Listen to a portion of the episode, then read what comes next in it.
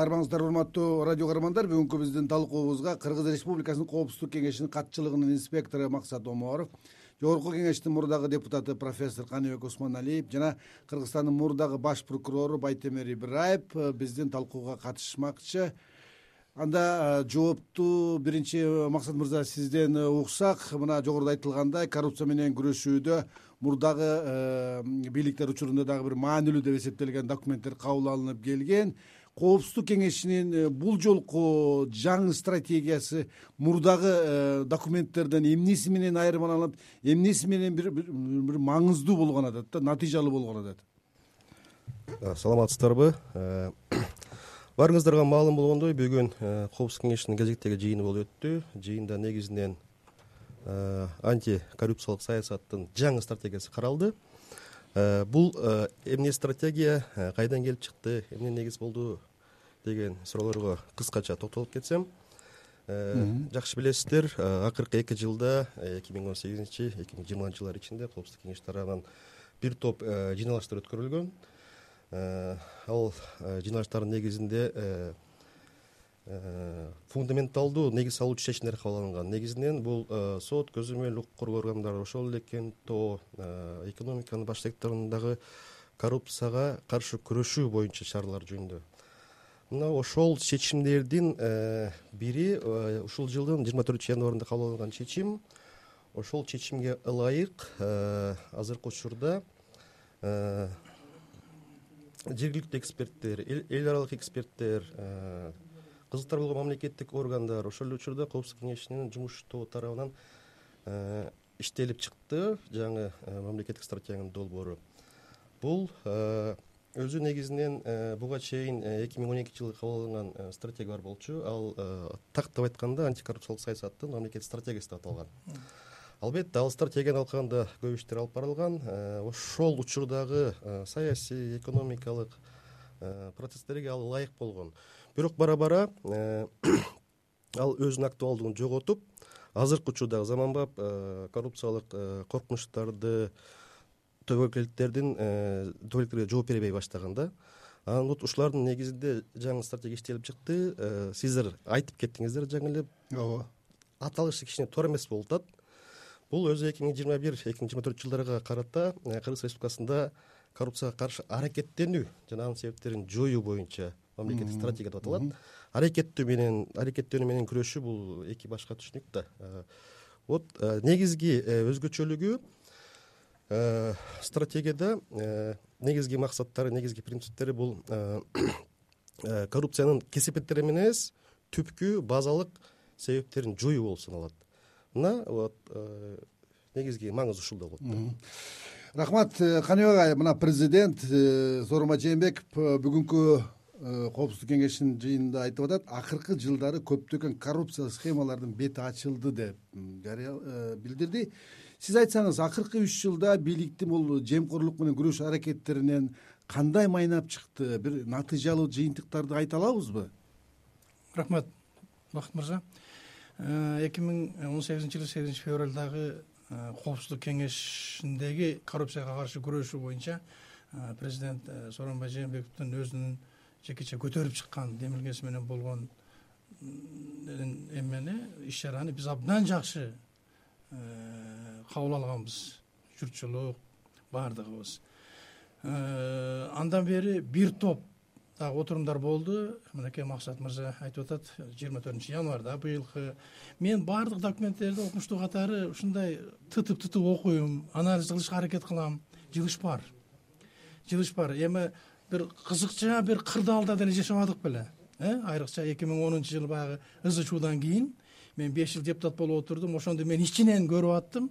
Бир кол менен коррупция менен күрөшүп экинчи кол менен кайта коррупцияга шарт түзгөн учурларыбыз деле болуп атпады беле ошолордун көпчүлүгү азыр түрмөдө отурушат. Стратегиялык жактан мынакей бүгүн дагы бир стратегиялык документ кабыл алыныптыр. Стратегиялык жактан баардыгы туура баардыгы жакшы э, ал турсун э, илимий базада Э, бирок тактикалык жагы көң канааттандырбай келе жатат да. Бул жерде эми президент кээде мен айрыкча акыркы баягы штабта сүйлөгөн сөзүндө абдан чоң баа бердим да кээде эмоцияга да алдырып ийген учурун байкадым мисалы үчүн баягы шайлоого байланыштуу айтты го эч кандай эме жок деп. Примерно ошондой эле болгондой болуп атат да ошо э, эч кандай жылыш жок деппи? жок баягы шайлоодо айтты го баягы форма эки жөнүндө э, бүт күч структураларынын эмесинде айтпадыбы примерно ошондой эле кырдаал коррупция менен күрөшүүдө деле болуп аткандай сезилип атат. Мен буну Э, инсан катары айтууга толук даже мен милдеттүүмүн деп эсептейм. Жогору жактан э, түшүрүлгөн э, аракет кылынган стратегиялык иш чаралар баардыгы жакшы болуп атат дагы төмөн жакта эч нерсе болгондой эми болуп атат конечно. Бирок мындай кайтарымдуулугу эффективдүүлүгү канибек агай ушул коомчулукта коррупция менен күрөшүү дегенде жалгыз бута барып эле түзү эле президентке мээленип атат да. Ооба. Анан кийин президент жарыялаганы жакшы бирок аны менен күрөшүүгө келгенде тандамал күрөш жүрүп атат. Оппоненттерин саясий саясатын оолактатуу үчүн гана болуп атат деп атпайбы? Эми ошого повод болуп калгандай болуп атпайбы мен даже айтаар элем. Коррупция менен күрөшүү бул биздин бир улуттук спорттук оюндай болуп калды да. Ага баары катышышат. Жаш баладан баштап сексендеги чалга чейин катышышат. Э, бирок мындай жер жерлерде конкреттүү тармактарда Э, анын эффективдүүлүгүн сезе албай атабыз да. Мен мына мисалы үчүн билим берүү тармагын эле айта турган болсом айланайын мектептерде баягы акча жыйноо маселеси э, университеттердеги э, баягы сессияларды ары бери жылдыруу маселелери эмне токтоп калдыбы ошо стратегиялык планды алгандан бери. Жок. Болуп эле атат да. Кептин баары ошондо болуп атпайбы рахмат азыр биз байтемир мырза менен телефон аркылуу байланышабыз. Байтемир мырза угуп атасызбы угуп атам угуп атам. Сиз айтсаңыз мына президент э, сооронбай жээнбеков жемкорлук менен күрөшүүдө прокуратура ички иштер министрлиги улуттук коопсуздук комитети финансы полициясы жана башка тиешелүү органдар биргеликте күрөшүш керек деп дайыма талап кылып келет да. Сиздин баамыңызда акыркы үч жылда ушул э, аталган органдардын бир бир багыттуу бир максаттуу иштегени сезилдиби эми мага чейинки азыркы айтып кеткен эксперттердин сөзүнө мен э, жарым жартылай кошулам. Биз коомчулук толук маалымат ала албай калып атабыз да көп маселелер боюнча көп маселелер боюнча. Анан бул сиз атап кеткен азыркы төрт орган бул э, ушул э, жакынкы эле жылдары ушул биргеликте иш алып барып жаткан жери жок. Булар түзүлгөндөн бери негизи буларда укук коргоо органдарынын координациялык кеңеши деген бир чоң өзүлөрүнүн бир кеңеси бар. Э, чоң чоң маселелер боюнча булар ар дайым талкуулап туруш керек. Менин оюмча алар биргеликте иштеп жаткан маселе боюнча эч кандай мындай кынтыксыз болуш керек деп ойлойм да өзүм. Алардын иши мурун эле ушундай уюштурулуп келген э, ошол темп менен эле ошол ыргакта эле азыр деле келатат бирок бирок эң негизги маселе бул жалаң эле күч органдары менен жанагынтип э, коррупцияны менен күрөшүп жеңип кетет деген бул жаңылыштык деп баягы айтып эле келатпайбызбы аны президент деле айтып атат. Ошол коррупциялык элементтерди жаратып аткан жагдайлар менен күрөшүш керек депчи менин оюмча ушул жагдайларда маселенин баары жатат да. Ошол жагдайдын ичинде саясий коррупция деп айтып эле келатабыз айтып эле келатабыз мына азыр чоң э, саясий бир э, мааракенин үстүндө э, чуркап жүрөт элдин баары шайлоо менен жүрөт. Ушул ушул шайлоого баратканыбыздын өзүнүн ар жагында толгон токой саясий коррупция жатканын баарыбыз билебиз да көрүп турабыз. Ушундай саясий коррупциялык жол менен бийликке келген адамдар алар сөзсүз түрдө мындай коррупциялык элементтерди жаратып берет да түзүп бере турган адамдар да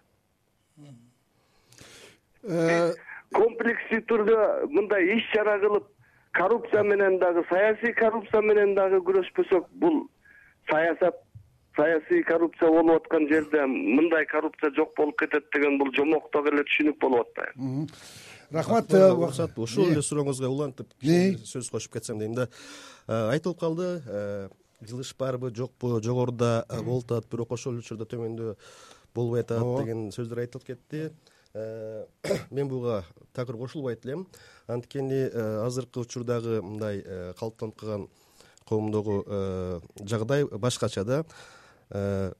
Туура көп нерселер аткарылган эмес аны биз жана кылыш керек. Бирок айтып кетүү үчүн нерсе ошол он сегизинчи жылы кабыл алынган чечимден баштап вот каныбек айтып кетти. Биздин өлкөдө коррупцияга каршы күрөш кандай гана анын көрүнүштөрү болбосун абдан күчөгөн кадимкидей мындай импульс пайда болуп органдар иш алып барып эми төмөн жагын айтып кетсек бул билесиздер да. Тарыхта эгемендик тарыхта болбогондой жогорку деңгээлдеги кызмат адамдардын иштери козголуп ошол эле мурунку премьер министр министрлер башкалардын да козголуп азыркы учурда алар сот териштирүүнүн жүрүшүндө турат. Эми төмөн жагы деген ушул да. Эми кантип айтсак болот? Анан мына именно вот ошол стратегия мурунку кабыл алынган стратегия эки миң эки миң он экинчи сегиз жыл өтүп кетиптир. Ал жерде көп нерселер багыттар туура эле болгон бирок системасыз иштер жүрүп келген да. Ошону эске алып вот коопсуздук кеңеши эки миң он сегизинчи жылы катуу карап ошол чечимдерди кабыл алган. Андан тышкары айтып кетиш керек жөн эле бул эмнеге айттым мен аракеттенүү депчи каршы аракеттенүү каршы күрөш каршы аракет каршы аракет деген түшүнүк бул мындай кеңири түшүнүк.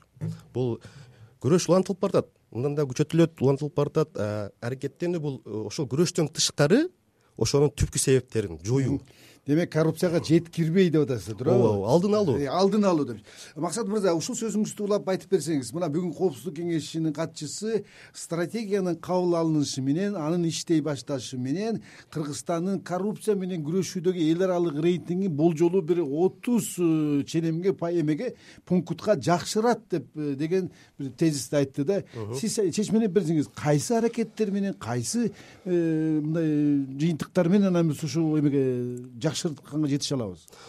Ооба биз э, э, план кылып э, оюбуз бар. Ошол жаңы иштелип чыккан стратегияны ишке ашырууда кыргызстан өзүнүн эл аралык деңгээлде рейтингин дагы жакшыртат деп. Мисал алсак ошол эле сиз айтып кеттиңиз окшойт international transparency уюму жүргүзгөн изилдөөгө жараша. Эки миң он экинчи жылы кыргызстан эгерде коррупцияны кабыл алуу боюнча жүз элүү төртүнчү орунда турган болсо акыркы жылдаркы алардын изилдөөсү боюнча кыргызстан өзүнүн позициясын жакшыртып жүз жыйырма алтынчы орунга жылган. Мына э, сиз айтып кеткен отуз пайыз бул э, эмнени э, биз ойго салганбыз? Азыркы жаңы стратегиянын алкагында албетте биринчи кезекте бул санариптештирүү санариптешүү э, ошол эле бажы э, салык э, фискалдык органдардын баардык процесстерин санариптештирип туруп биз чогулуп жаткан төлөмдөрдү отуз процентке көбөйтөбүз деп план коюп атабыз андан тышкары ошол эле өзүбүздүн рейтингибизди кыргызстандын өлкөнүн рейтингин мындан ары дагы элүү пайызга чейин көбөйтөбүз деген план коюлуп атат вот чечим айтып кеткенде ушуну айтмакмын. Дагы бир маселе каныбек агай мына коопсуздук кеңешинин катчысынын э, орун басары азыр депутаттыкка талапкер субаналиев э, коррупция менен күрөшүүдө президентти эч ким укпай калды деп билдирүү жасады.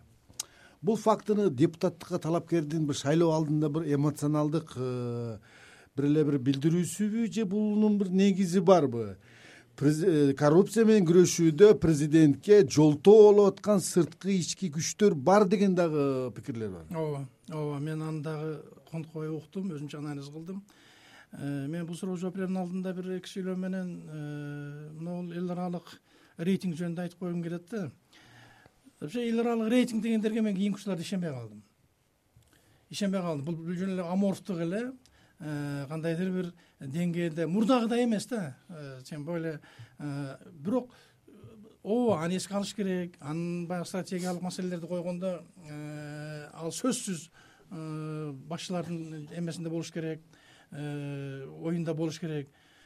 Бирок кептин баардыгы конкреттүү ар бир мамлекеттин өлкөнүн өзүнүн ушул коррупция менен күрөшүүдө жетишкендиктери жөнүндө болуп атат да. Болуш керек да малайзияны алалы сингапурду алалы. Алар эч кандай эл аралык рейтинг андай мындайларга көңүл бурушкан эмес. Алар конкреттүү э, жыйынтыкка өздөрүнүн конкреттүү кадамдары менен жетишишкен.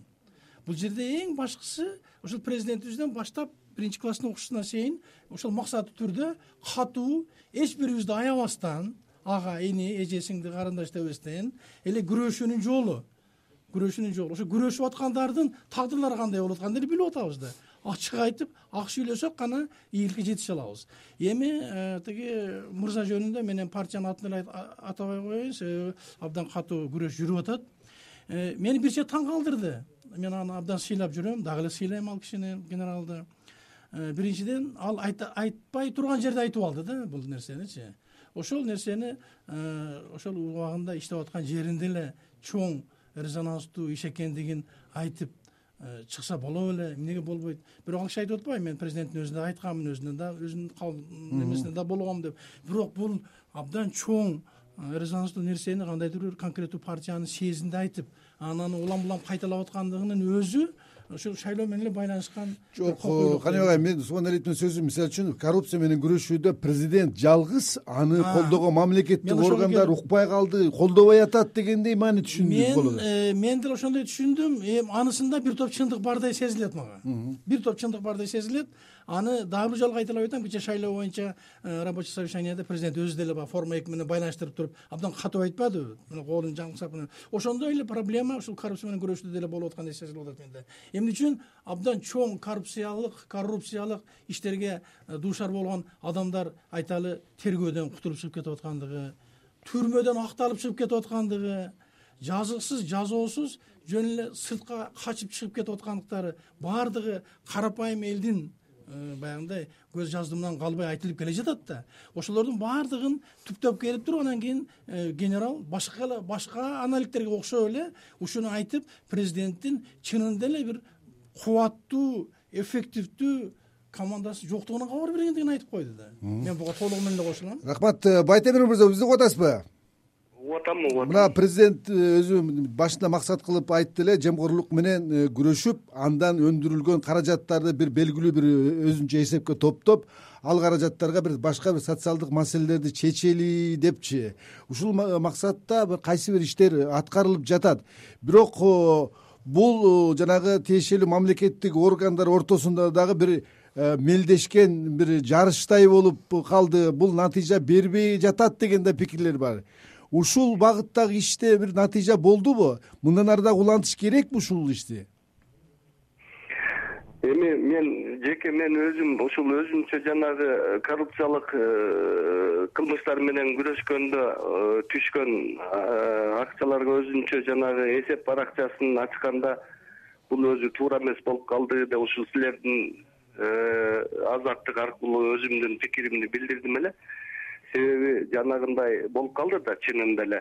Тигил орган мынча э, өндүрдү бул орган мынча өндүрдү деп отуруп жанагы э, жарышка түшкөн эмелердей болуп баягы биринен бири ашабыз деп отуруп коррупцияга вообще тиешеси жок. Жанагы өзү төлөнө турган налог налог налогдон түшө турган акчаларды таможнядан түшө турган баягы пландаштырылган акча каражаттары түшө турган акчаларды биз түшүрдүк биз түшүрдүк деп ушул э, өзүлөрү бузуп алды да муну керек болсо бир ушул жыйында президент өзү дагы бир айтып алды.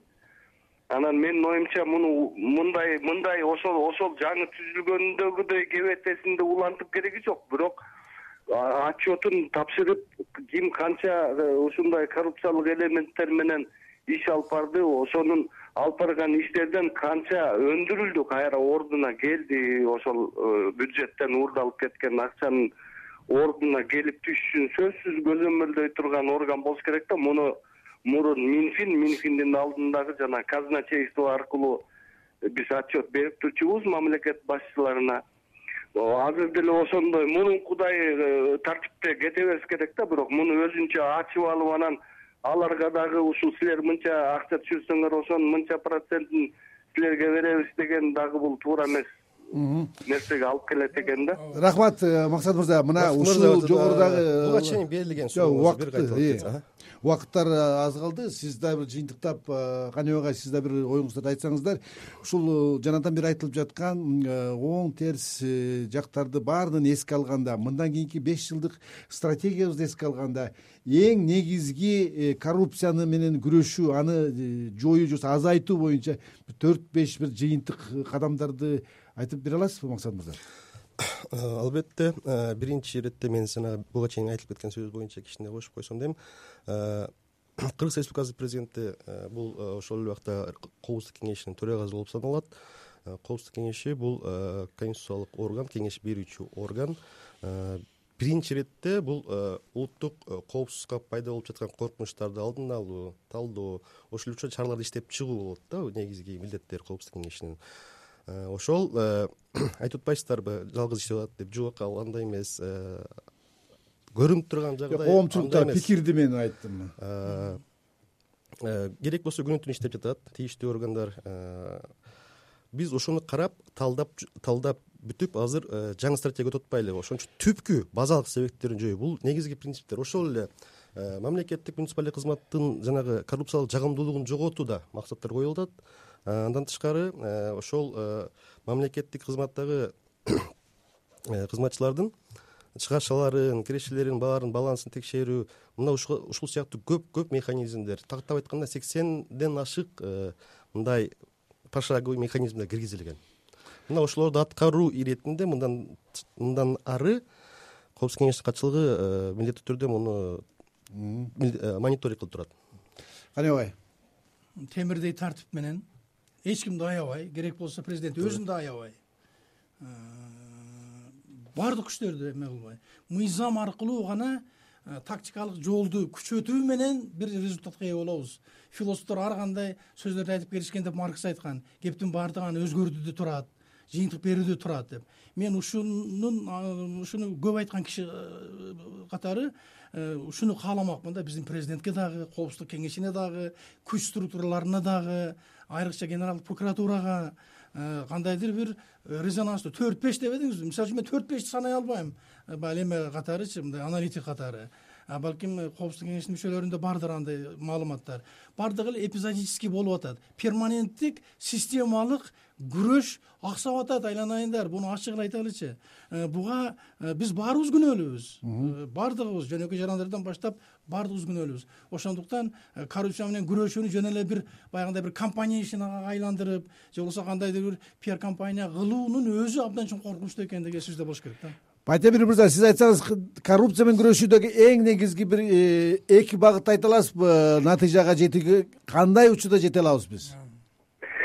Мен жана сөзүмдүн башында айтып кетпедимби. Биз баардык баардык тараптарды баардык коррупциянын көрүнүштөрүн алып баардыгы менен бирдей күрөшпөсөк бир эле укук коргоо органдарына мына силер муну кылгыла муну камагыла муну жок кылгыла деген менен биз жеңе албайбыз эң негизгиси бул маселенин саясий жагы. Саясий коррупцияны биз ачык айтып ачык алып чыкпасак коррупция элементтерин жараткан дагы ошол саясий коррупция уланткан дагы ошолор биз анда бул бул маселени негизинен ушул өтө чоңураак көңүл бурбасак э, биздин күрөшүбүздөн майнап чыкпайт да рахмат урматтуу радио каармандар бүгүн биз э, кыргызстандын коопсуздук кеңеши эки миң жыйырма биринчи эки миң жыйырма төртүнчү жылдарга коррупцияга каршы күрөшүүнүн жаңы стратегиясын иштеп чыккандыгына байланыштуу бийликтин жемкорлугу азайтуу аракетине майнап чыктыбы же тандамал күрөш жүрүп жатабы? Кабыл алынган стратегиянын маңызы эмнеде анын натыйжасы кандай болуш керек деген темалардын тегерегинде